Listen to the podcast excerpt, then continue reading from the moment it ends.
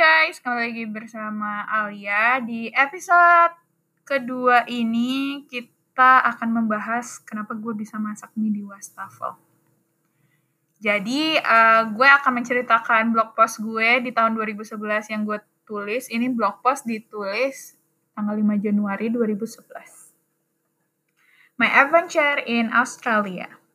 Yay, selama setelah lama nggak nulis blog rasanya nggak enak kembali bersama aku Alia. Oh my god. Kemarin pada tanggal 19 Desember 2010 aku pergi ke Sydney. Itu adalah liburan yang sangat mengesankan bagiku.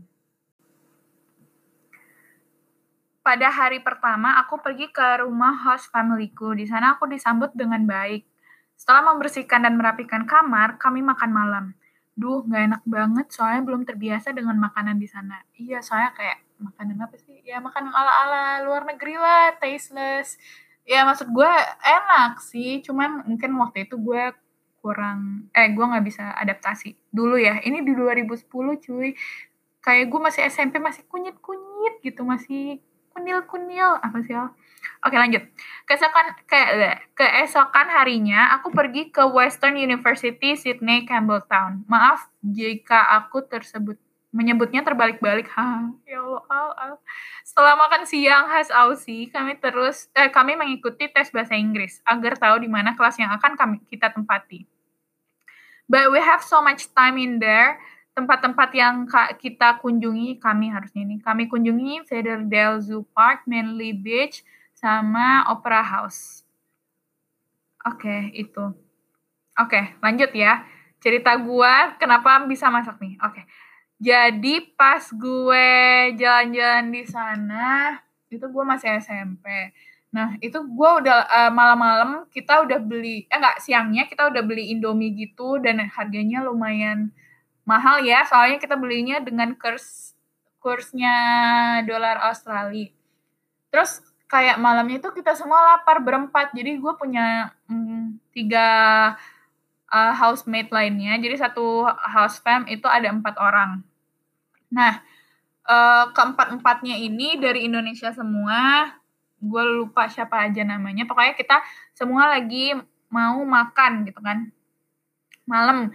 Kita minta tolong host famnya masakin mie nggak mau soalnya udah pada mal udah malam gitu kan. Akhirnya udah tuh siapa gitu yang nyeletuk gue lupa. Akhirnya uh, kita punya ide buat masak mie di wastafel. Kenapa? Karena di wastafel kan ada air panas tuh kita udah mikir oh ya udahlah kalau gitu uh, kita bikin mie di wastafel aja gitu tapi yang kocaknya adalah kita semua tuh kan ketawa gitu kan. Terus ada yang mau pipis lah nggak jelas banget sumpah. Ada yang mau pipis, ada yang mau apa. Akhirnya ribut. Host fam uh, bangun kan. Terus ngelihat kita udah ngakak. Mie udah ketumpahan di lantai ya Allah. Terus ya udah kita dimarahin, kita dibilang stupid. Iya stupid banget. Soalnya kan air wastafel kan nggak, maksudnya wastafel toilet ya. Itu kan nggak bersih. Oh my god jorok banget ih.